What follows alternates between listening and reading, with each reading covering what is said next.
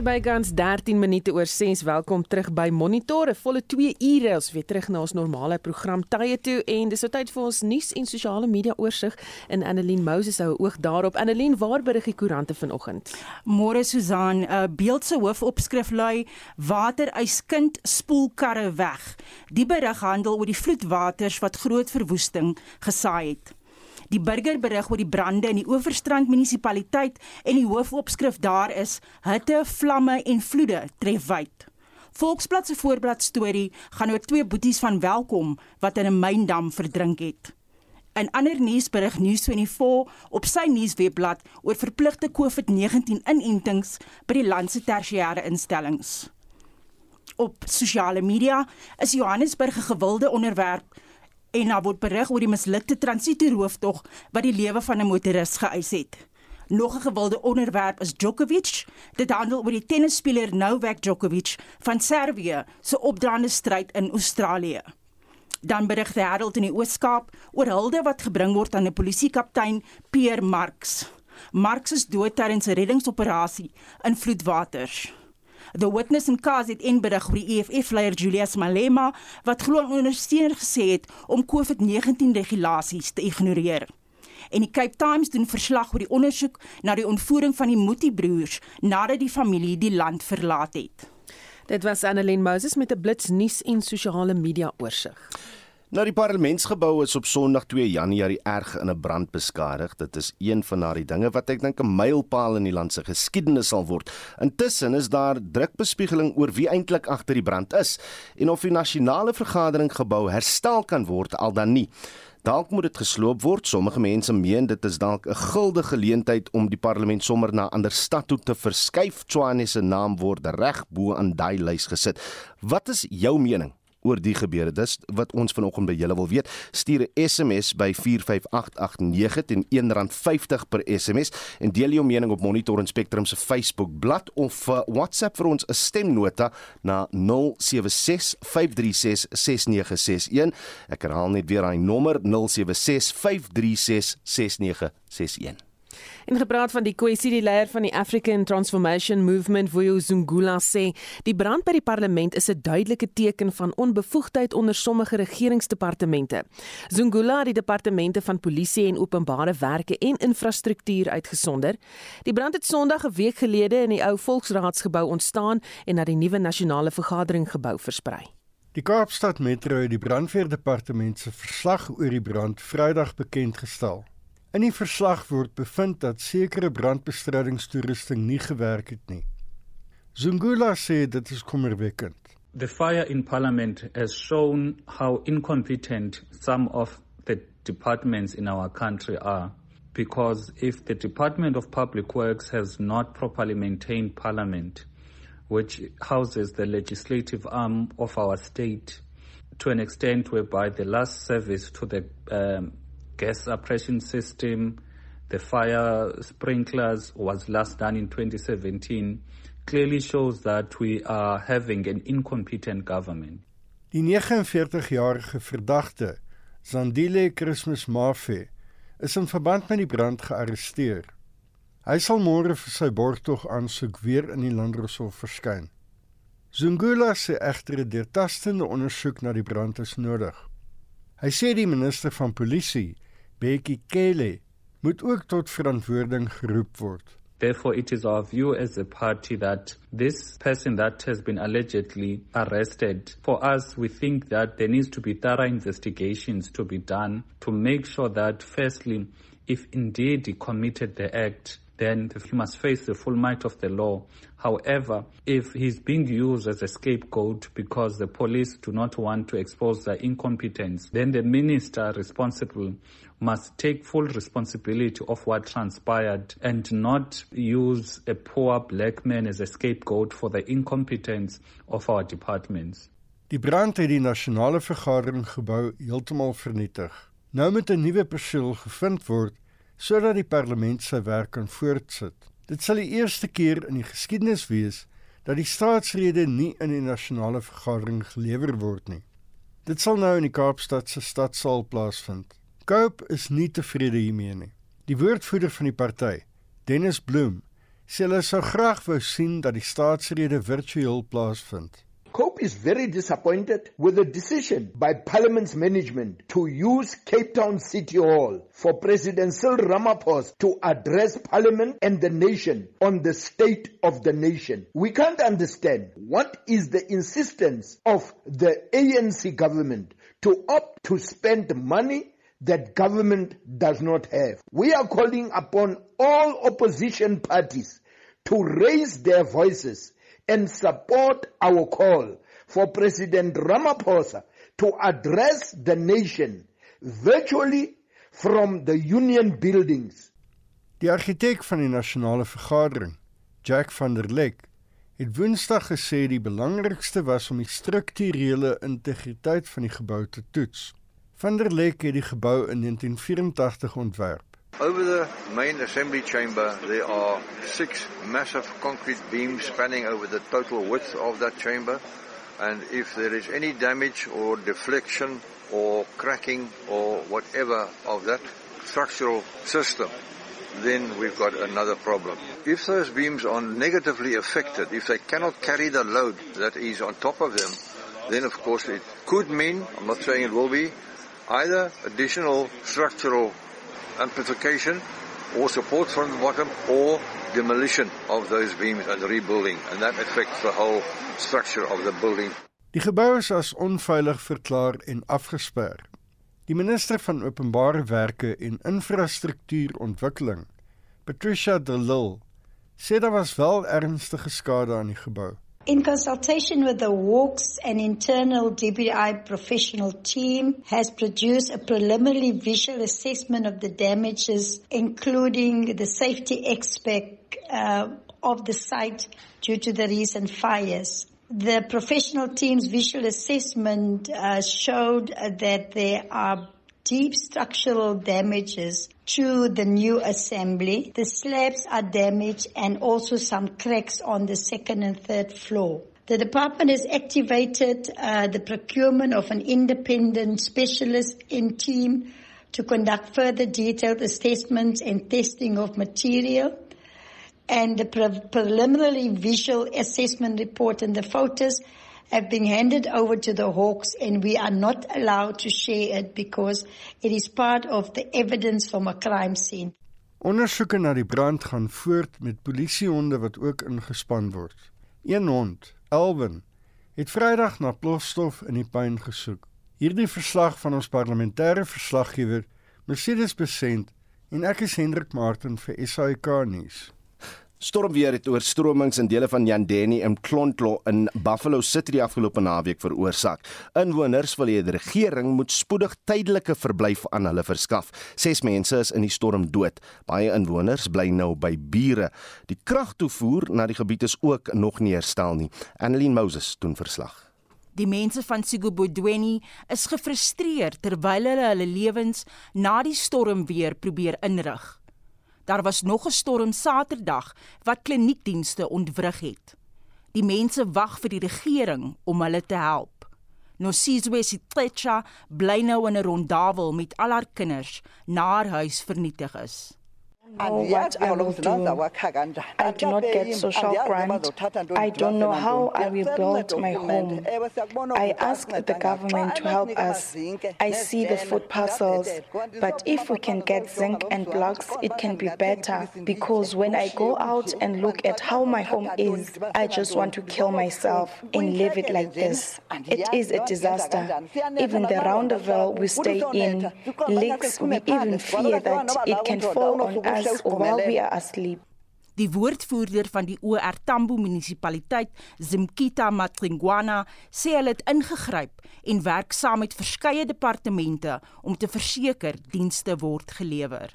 Since this recent incident, we have intervened by giving out food parcels to the affected communities, giving temporary shelters to people who lost everything, including those who lost their loved ones during this disaster. We have also taken a report to council meeting so that a local state of disaster could be declared. We also tried to quantify the amount of damage, and at this stage, the amount is estimated at 82 million rand after the recent incident of the 9th of December. Daar is nog puin in die gebied wat volgens die inwoners 'n gevaar vir vee inhou. Die groot storm wat Buffalo City getref het, het 6 lewens geëis en honderde ontwortel. Die nie-regeringsorganisasie Gift of the Givers help die metro met hulle hulpverleningsprogram. Die koördineerder van die organisasie in die Oos-Kaap, Corinne Konradi, sê dit was nie maklik om die storm te oorleef nie. Families are left with no food, clothing, or shelter. These families are heartbroken and in tears. The little bit of food and clothing that they were able to save are all full of mud and of no use. They lost everything. Gift of the Givers are on the ground to assist the situation as the list of affected families are still increasing. The immediate need is shelter, food, blankets, mattresses, and clothing, which our team will be distributing. Die Oos-Kaapse premier, Oscar Mabuyane, het die gebied in Oos-London na die storm besoek. Yes, well, in Mtata and other areas, not only in Mtata, a number of districts, your OR Tambo, Christiani, Alfred, so, uh, those areas have been hit by these uh, storms since this uh, summer season. We are dealing with the backlog of disaster hit areas there from 2017. People are still without houses from 2017. We are attending to those. I've made a visit in the last couple of months in those areas. So we are working with all the district municipalities, we are working with the national government to find solutions. Die OR Tambo distriksmunisipaliteit het ook sy noodbestuurspan ontplooi om gemeenskappe te help. Motoriste word aangeraai om oorstroomde brûe en paaie te vermy. Hierdie bydra van Nomzwanele Mgoma in Tata en ek is Annelien Moses vir SAK nuus. 24 minute oor 6. Die kloof in Hoofweg Dierebeskermingsvereniging in Durban is bekommerd oor die toename in hondsdolheid onder troeteldiere. Die organisasie bied skuilings aan baie afgeskeepte en rondloperdiere ook. Volgens die DBV word sowat 2 tot 5 diere weekliks met hondsdolheid in sy kliniek gediagnoseer. Hulle meen dis 'n saak wat dringend aandag nodig het. Die siekte is 'n dodelike virale infeksie in die brein. Dit word deur die speeksel van 'n besmette dier versprei.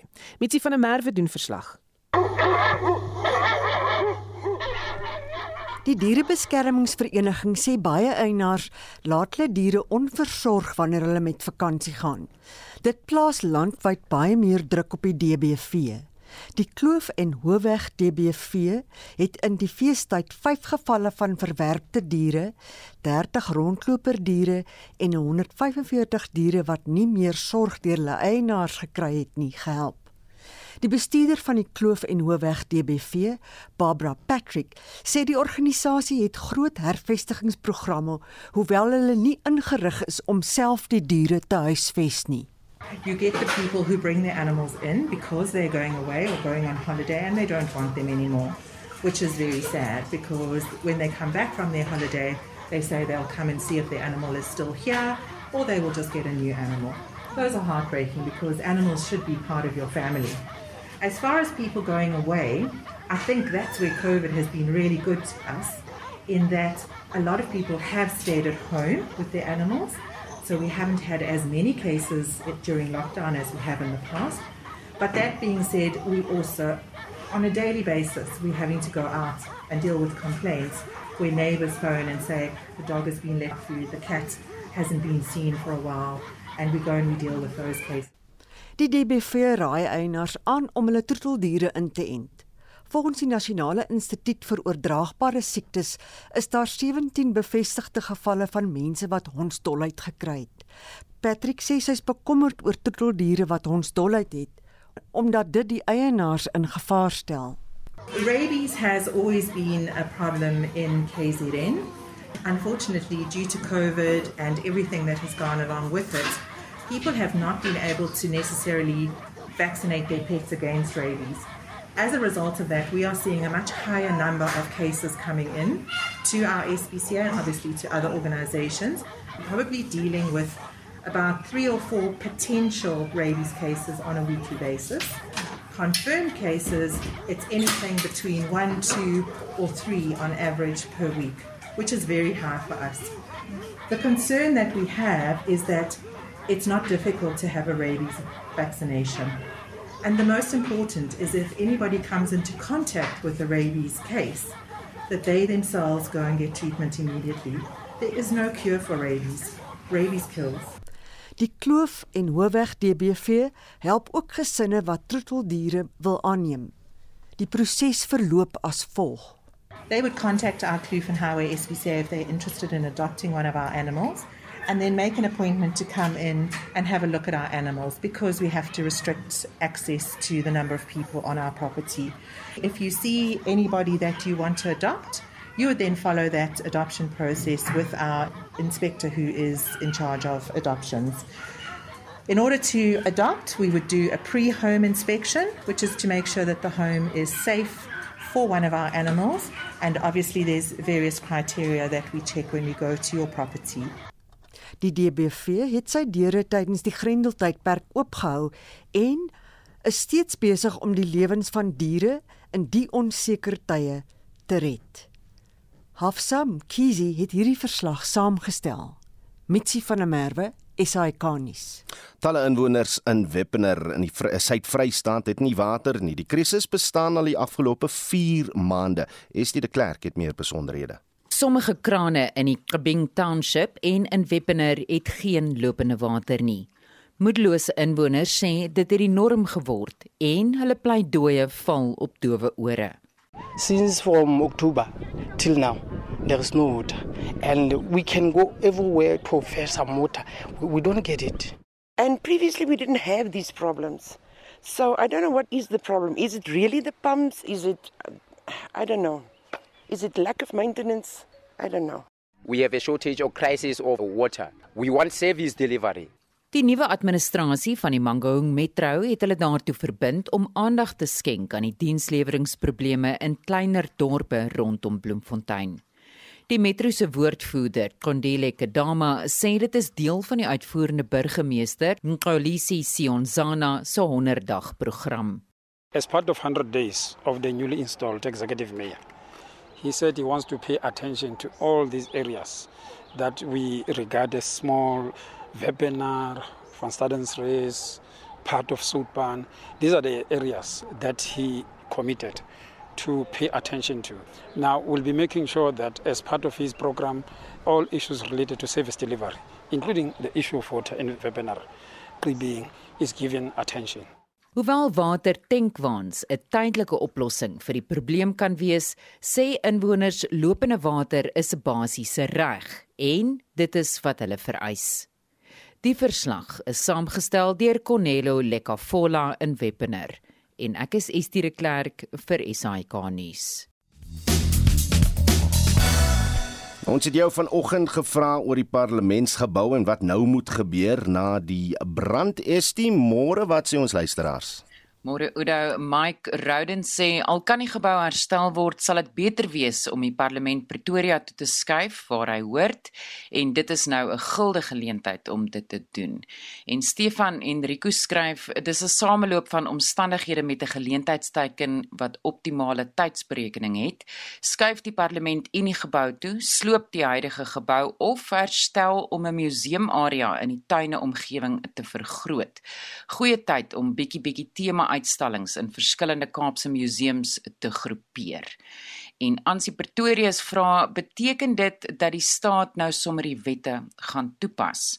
En van Sail Mulder sê, dit gaan die belastingbetaler na bewering 1 miljard rand 1 miljard rand kos om te herstel. So wat gaan die goedkoopste wees om te herbou of om te skuif. Laat weet vir ons wat jy dink oor die brand wat in die parlement uitgebreek het en of die uh, parlement dalk na Gauteng toe verskuif moet word. Stuur vir ons 'n SMS na 45889 teen R1.50 per SMS. Gaan deel jou mening op ons RSG Monitor en Spectrum Facebookblad of 'n WhatsApp vir ons stemnota na 076 536 6961. En die dame net terugvoer amper 6:35 om te hakkel kan enige mens se selfvertroue knou. Veral as iemand aan mekaar aandag op die probleem vestig. Dis eintlik dan ongehoord dat iemand met so 'n spraakgebrek 'n beroep sou kies waar hy as dosent elke dag voor studente moet praat. Maar professor Henty van Wyk in Bloemfontein het aan Essie de Klerk vertel, dit is juis hoe hy sy hakkelgebrek oorkom het. Hy het pas afgetree na 38 jaar as dosent aan die Universiteit van die Vrystaat in die opleiding van geoktroeëerde rekenmeesters. Prof Venti sê as klein seentjie was hy nooit bewus daarvan dat hy 'n spraakprobleem gehad het nie totdat 'n familielid die aandag daarop gefestig het toe hy so 4, 5 jaar oud was. En dit was asof alles vir hom in daardie oomblik verander het. As ek moet terugkyk, was ek maar 'n lewendige seentjie. Ek was baie aktief, ek was baie energiek, ek het alles op 'n drafstap gedoen en sien. En so het ek ook gepraat. Ek het vinnig gepraat ook. Toe het hierdie familielid vir my gesê, "Hoorie, Hentie, jy praat te vinnig. Jy moet stadiger praat want jy struikel oor jou woorde. Jy voltooi nie jou lettergrepe nie." En toe het hy met my gepraat en gesê ek moet woorde agter hom aan sê. So iewes skielik het ek toe begin agterkom ek praat nie normaal nie. Ek is nie soos ander kinders nie. En my fokus was toe geplaas op my probleem wat ek nooit gedink het ek het nie. Die oomblik as daai saadjie gesaai word, dan begin daar 'n probleem. En dit het so gesneeubal in my lewe dat dit 'n groot uitdaging geword het. Die impak hiervan het 'n geweldige knou gegee aan sy selfvertroue vir etlike dekades daarna. Jy het eintlik geen selfvertroue nie. Regtig, geen selfvertroue nie. Jy lewe nie 'n normale lewe nie. Ek het byvoorbeeld toe ek net getroud was, het ek nooit 'n telefoon geantwoord het nie. My vrou Annelies moes die telefoon antwoord. Wanneer ek vir iemand iets wou sê, het ek na die ou se huis toe gery en hom in die oë gekyk wat ek vir hom wil sê want want terwyl ek op 'n telefoon praat dan weet ek nie wat se gesigsuitdrukkings het die ou aan die ander kant van die telefoon. Toe ek 'n dosent was, het ek veral aan die begin het ek baie dae huis toe gekom mismoedig en ek was bekommerd oor wat ander mense sou dink. Wat dink die studente van my? En my vrou Annelies het my baie gemotiveer hierin en laat laat ek aanstaande bly en dat ek nie bedank het nie.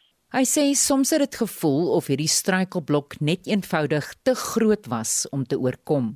Hy deel 'n staaltjie uit sy skooldae van hoe hy gevrees het wanneer hy uit Shakespeare se Macbeth moes voorlees. Daar was 'n Engelse onderwyser wat nooit klas gegee het nie. Al wat hy in die klas gesê het is next. En ons moes gelees het uit die voorgeskrewe boek Macbeth. En so het ek 'n vrees ontwikkel, want ek het geweet as dit my beurt is, dan's dit nag. So al wat ek in die Engelse klas gedoen het is om te kyk hoeveel tyd is oor van die lesing, hoeveel kinders moet nog voor my lees, hoe lank lees hulle gemiddeld en wanneer gaan dit my beurt wees. so dit was vir my 'n geweldige uitdaging, maar wanneer dit my beurt was, het dit so lank gevat en ek dink die ander kinders in my klas het my so jammer gekry. Hulle het ook my beurt omgebid. In die weermag het sy vriende tot sy redding gekom wanneer hulle name soggens uitgeroep is dan word die die troepe se name uitgelees en jy moet sê ja Samajoor en jy moet op aandag kom. Nou daai ja Samajoor kan ek nooit sê nie. Hier langs my het ek 'n paar pelle gehad. Wanneer die Samajoor my naam uitlees, HA van Wyk, dan sê hulle ja Samajoor die langs my een van hulle en ek kom op aandag. So wanneer ek sekere woorde moet sê, het ek baie keer baie baie swaar gekry en dit was vir my 'n baie groot verleentheid. Hy sê hy het spraakterapie gehad in sy hoërskooljare, maar dit het nie vir hom gewerk nie. Nou in retrospek sien hy die lewensles raak wat hy daaruit geleer het.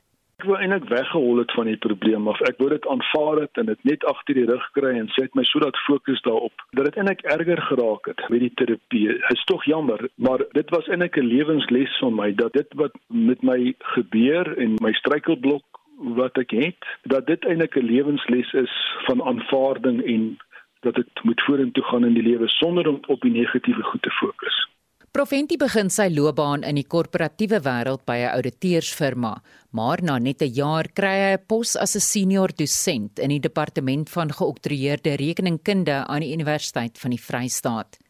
Hy sê dit was aanvanklik 'n vreesaanjaende gedagte dat hy elke dag voor 'n klomp studente gaan moet staan en praat.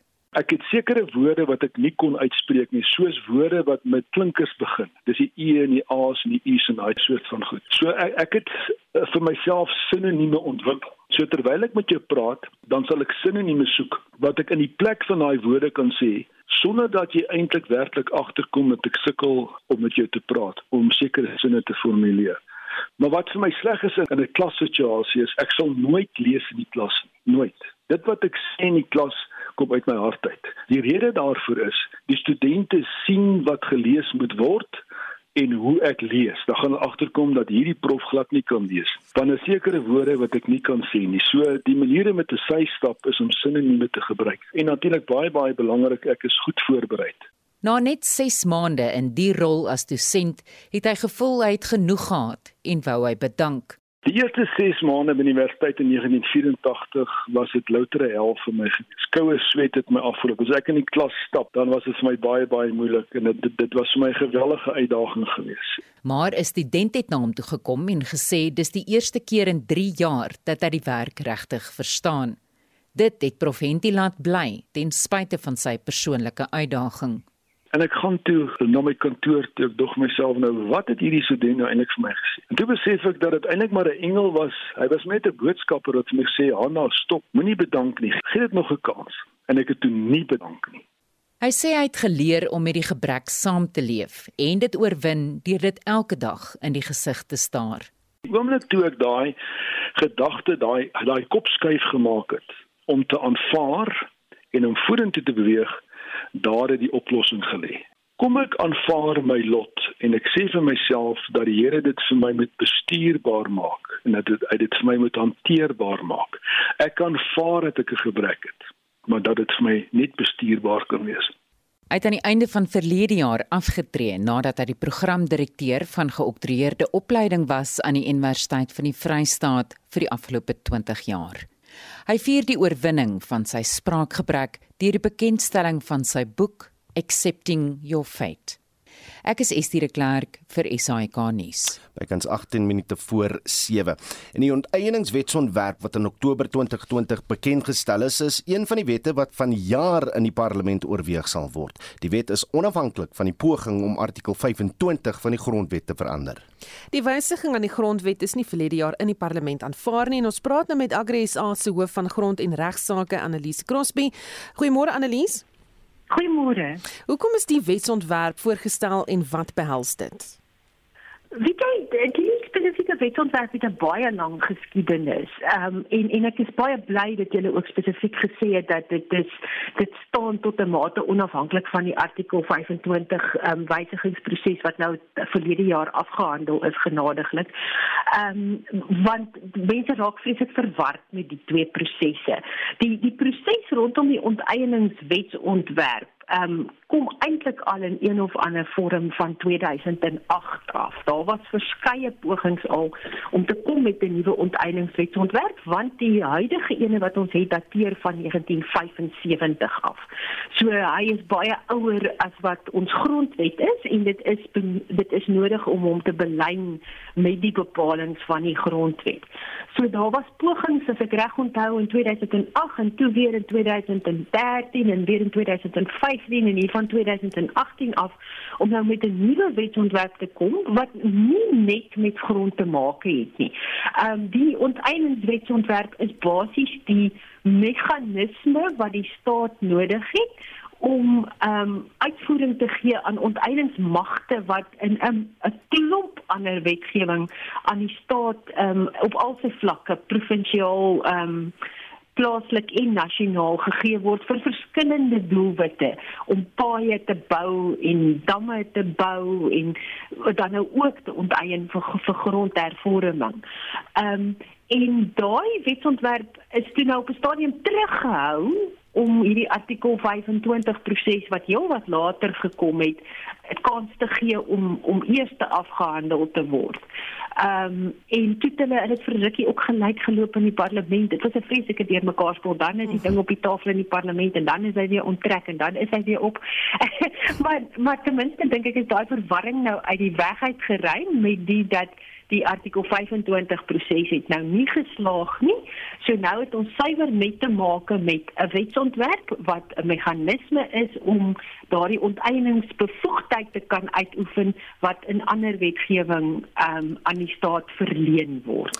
Analise die huidige of of of of die die vorm wat hy tans in is die wetsontwerp, die mag wat dit aan die minister gee om om grond te onteien, waar begin en eindig hierdie mag en en hoe word dit beperk? Ja, so dit is dit is 'n baie interessante vraag wat ook 'n bietjie van 'n tegniese antwoord het, maar ek sal probeer om dit om dit te vereenvoudig. Soos ek wat ek nou verduidelik het, die mag om te onteien word nie in daardie stuk wetgewing verleen behalwe aan die minister van openbare werke om te onteien vir die doelwitte van openbare werke met ander woorde staatsgeboue en goederes wat nodig is om staatsdepartemente te huisves ensovoorts. Maar die al die ander magte om te onteien om paaie te bou, om spoorweë te bou, om damme te bou en vir die doeleindes van grondhervorming word in ander stukke wetgewing ehm um, verleen. So byvoorbeeld as jy praat van grondhervorming, dan word daar 'n mag om te onteien verleen aan die minister van ehm um, landbou en grondsake en landelike ontwikkeling in die ehm um, restitusiewet en ook in byvoorbeeld die ehm um, huurarbeiderwet. So die magte word ontleen in daai wetgewing, maar hulle word uitgeoefen in terme van hierdie onteieningswetsontwerp wat die ehm um, stappe voorskryf wat enige minister dan moet volg om te kan onteien. En daai stappe is nogal streng. Dit vereis 'n vooraf konsultasie um, met die geaffekteerde partye wat die eienaar sal insluit, maar ook ander mense wat byvoorbeeld langtermyn huurkontrakte of servitute of wat ook al op daardie stuk grond het. Daar's waardasies wat gedoen moet word en um, daar's ander ondersoeke wat gedoen moet word. Daar's weer 'n geleentheid vir 'n eienaar of 'n geaffekteerde party om te appeleer teen die bevinding dat daar onteien moet word en dan kan daar voortgegaan moet word met die onteiening dan is daar onderhandelinge heen en weer oor die die prys ensovoorts. So daar is soos wat mense in Engels sê sekere checks and balances ingebou in hierdie proses. Maar uiteindelik ek weet sit jy natuurlik dan nog steeds met 'n situasie van 'n magtige staat wat hulpbronne tot hulle beskikking het en baie keer 'n individu wat nie veel hulpbronne het en nie eintlik graag wil hof toe gaan um, as dit daarop aankom aan die einde van die dag nie. Annelies, uh jy weet, omdat hierdie wet so oud is, moet hy aanpas by veranderende tye. Dit is heeltemal korrek. So ek sê dis 'n 75 wet hy hy ehm is lank voor die grondwet gemaak en hy is nie heeltemal in lyn met die met die grondwet en spesifiek met die bepalinge in die grondwet wat ook voorsiening maak vir onteiening in die openbare belang en dan daai formule wat die grondwet neerlê vir die bepaling van vergoeding nie. Die die grondwet, wie staan hierdie uh, wetsontwerp voor? Wie staan hom uh, teen as dit kom by ons politieke partye? Weet jy ek ek sou nou vinnig moet dink maar uh, dit is maar baie dieselfde partye wat gekant was teen die artikel um, 25 proses wat ook kommer het oor sekere aspekte van van hierdie ehm um, wetsontwerp. Ehm um, en ek dink ook jy weet ehm um, georganiseerde landbou en ander belanghebbende partye wat nou al kommentaar gelewer het op die onteieningswetsontwerp. Daar's daar's baie spesifieke goed in die wetsontwerp waaroor ons bekommerd is. So dis nie die wetsontwerp as 'n geheel noodwendig wat ons ehm um, verwerk nie, maar maar daar is dinge soos die definisie van onteiening en die bepaling rondom nulvergoeding wat ehm um, wat wat mense bekommer. Wat spesifiek daarvan uh, bekommer julle? So die die definisie van onteiening ehm um, is wat my aanbetref nogal gevaarlik want want daardie definisie is baie eng. En weer eens bietjie van 'n tegniese debat, maar daar's twee konsepte waarmee die reg werk. Een is 'n ontneming of in Engels 'n deprivation, die ander is onteiening of dan nou expropriation. Nou die grondwet laat 'n ontneming toe sonder dat daar vergoeding betaal word slegs as iets binne die definisie van 'n onteiening val, dan is daar 'n verpligting in terme van die grondwet tot vergoeding. Nou as jy nou jou definisie van 'n onteiening so so nou gaan skryf, so en gaan skryf dat daar 'n klop goedes is wat nie binne daai definisie val nie, dan beteken dit daar's meer goed wat die staat as 'n ont ontneming kan beskou waar hulle kan neem sonder om te vergoed. En daarom sê ons dat daar behoort eintlik geen definisie te wees van onteiening nie. Jy moenie dit probeer beperk nie. Dit moet op 'n geval tot geval basis beoordeel word wanneer 'n spesifieke saak voor die hof kom om te sê hierdie hierdie optrede van die staat is so ingrypend um, dat dit eintlik neerkom op 'n onteiening en derhalwe die eienaar ook vergoed moet word al is daar nie 'n uh, um, verkryging deur die staat nie want dit is waartoe dit op die oomblik dit beperk word dit is selfs slegs as die staat um, die die die saak volkome verkry wat daar 'n verpligting tot onteiening sal wees. En dan die ander ene is die artikels 12, 3 en 4 van die van die wetsontwerp wat sê dat onder sekere omstandighede um, kan die vergoeding nul wees maar dan is hy ook hy hy lys 'n aantal faktore maar hy sê dis nie beperk tot daardie hmm. daardie faktore nie. So daar is ook ander omstandighede wat die staat dan nul vergoeding sou kon betaal. Annelies, dan wil ek net vra as die stryd om die verandering van artikel 25 in ons grondwet heeltemal nou klaar en verby of gaan hy 2422 hier by ons kom spook? Jy, dit kan niemand vir jou met sekerheid sê nie. My persoonlike mening is dat dit nie vinnig weer sal gebeur nie. Dit is nie uitgesluit dat dit die debat iewers vorentoe in die toekoms weer na vore toe uh, sal kom nie. Ehm um, ek ek sou verbaas wees as dit vinnig gebeur. Baie dankie. Dit was Annelies Crosby, sy is die hoof van grond en regsaake by Agri Suid-Afrika.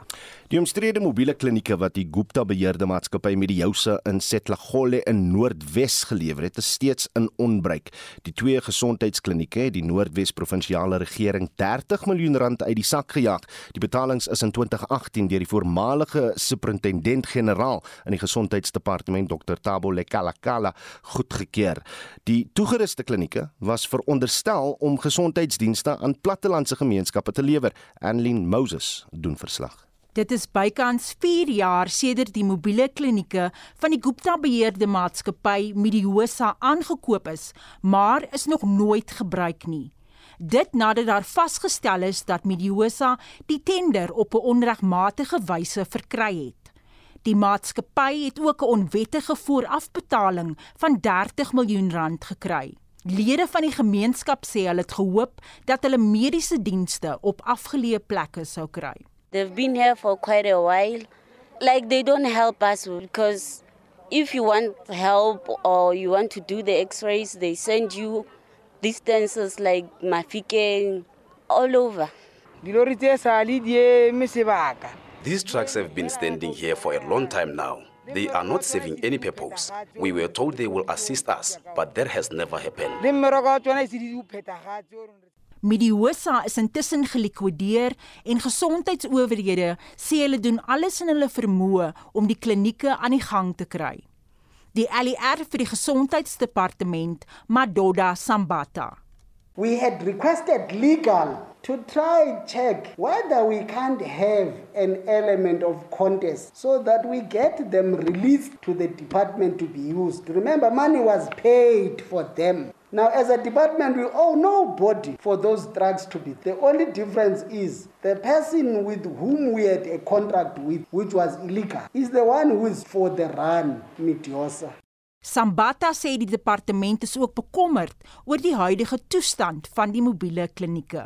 They were designed very technically higher than a normal mobile that you would move to the community. So the status of their design is really needed for outreach program. Now that they are being vandalized on daily basis with some of them having some elements being stripped Die voormalige superintendent-generaal van Noordwes se Gesondheidsdepartement, Dr Tabo Lekalala, is intussen in die pad gesteek. 'n Saak van bedrog word deur die valke ondersoek, maar is nog nie afgehandel nie. Die verslag deur Patrick Dintoa in Noordwes en ek is Annelien Moses vir SAK nuus. Ons bly by nuus uit Noordwes. Inwoners van Mkao naby Brits is geskok na 'n 20-jarige meisie erken het dat sy sluipmoordenaars gehuur het om haar ouers in Sibbe in 2016 te vermoor. Die meisie, Omfile Simpatie en twee ander beskuldigdes het onlangs in die Landdroshof in Brits verskyn. Hulle staan tereg op vyf aanklagte van moord en gewapende roof. Die vermeende sluipmoordenaars, Tumelo Mokone en Kagiso Mokone, albei 23, is 3 weke gelede in hegtenis geneem na Sebati se skulderkenning aan die polisie. Sy het haar aanvanklik as 'n slagoffer voorgedoen.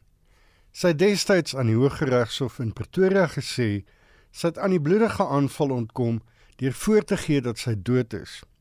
Sy het glo doodstil tussen die lyke van haar gesinslede gelê wat in haar ouerhuis doodgeskiet is. Onder die slagoffers was haar pa wat 'n polisiebeampte by die Hebron polisiestasie was. Sebati het onlangs skuld aan die polisie erken. 'n Familielid, Kabelo Brown, sê die familie is geskok. Actually, as a family, we are still shocked even now. Really, the thing which happened, uh, it, it, it's shocking. We really don't know what to say because uh, this child What she did, it is uh, absolutely not good. Our hearts are not good. The past wounds are now again. We are now again being wounded. It is hard for us now. Sabati en die ander twee beskuldigdes staan tereg op 5 aanklagte van moord en roof. Brown is optimisties dat geregtigheid nou uiteindelik sal seëvier. But anyway, we can get the closure because we exactly know what happened because of the confession of the young girl. But it is shocking for a 15 year old girl to can do such a thing. I'm thinking maybe there might be something behind this. If maybe the police can investigate further, we might have another development. Nog 'n familielid, Esther Brown, het destyds vir die Sabati familie gewerk. Dis vir haar moeilik om te glo Ompile is agter die moorde. Sy was toe maar 16 jaar oud. I'm very very disturbed. I'm so shocked. Yeah, but the closure is coming. I was close with this child because I, I was waiting for their family. So I was so shocked because I didn't expect this. Inwoners is ook geskok. I don't know whether I say I can believe or not, but I, the way, yeah, it's shocking. Just imagine your own child doing this to your mother or father. I wish I, I knew her, that girl. A girl at the age of 16 years, like, it's highly impossible to hit a gunman or something like ah. It's highly impossible, like, it's shocking. I can't believe. Die twee verdagte sluipmoordenaars is kort na die veelvuldige moorde in 2016 gearresteer. Hulle is egter na 'n lang hofsaak vrygespreek weens 'n gebrek aan bewyse. Die aansoek om borgtog van Sebati en haar mede-beskuldigdes is tot 13 Januarie uitgestel. Die polisie se ondersoek duur voort. Hierdie bydra van Fanuel Shuma in Brits en ek is Hendrik Martin vir SAK nuus. Reg, wat moet met die parlement gebeur? Is dit wat sê die luisteraars? Udo Alita Stander skryf ons solank ons as belastingbetalers nie moet opdok vir die skade en vir ander se skuld nie en Niels de Jager laat weet vir ons dis nie nodig om die parlementsgebou te herbou nie verkoop die erf met die bouval per openbare tender aan die hoogste bod daar is oorgenoeg alternatiewe plekke in Kaapstad wat dieselfde doel kan dien. Die alternatief is om dit Pretoria toe te skuif. En Stefan van Heerden sê, wat is die volgende gebou wat gebrand gaan word? Die Unie gebou of Letoile huis of die Appelhof in Bloemfontein? Die probleem is wie sit daar agter? gaan sorteer dit uit, neem hulle in hegtenis en sluit hulle toe, geen opsie vir parol of 'n boete nie en Mervin Cowan skryf almal betrokke wat die brandtoerusting nie laat diens het nie moet aanspreeklik gehou word. Die persoon wat dit gedoen het moet lank tronk toe gaan. En Jerome Fra François Herdien laat weet stroop die parlementsgebou en bou oor op dieselfde plek. En Anne Estreisen sê die regering het duidelik nie respek vir die ou regeringsgeboue nie andersins sou hulle genoegsame sekuriteit toegepas het. Laat weet vir ons wat jou mening is oor die parlementsgebou wat op 2 Januarie erg in 'n brand beskadig is en of die parlementsgebou na 'n ander provinsie toe geskuif moet word. Stuur vir ons 'n SMS na 45889. Onthou dit kos jou R1.50 per SMS. Gaan deel jou mening op ons Monitor en Spectrum Facebookblad of WhatsApp vir ons stemnota na 076 536 6961.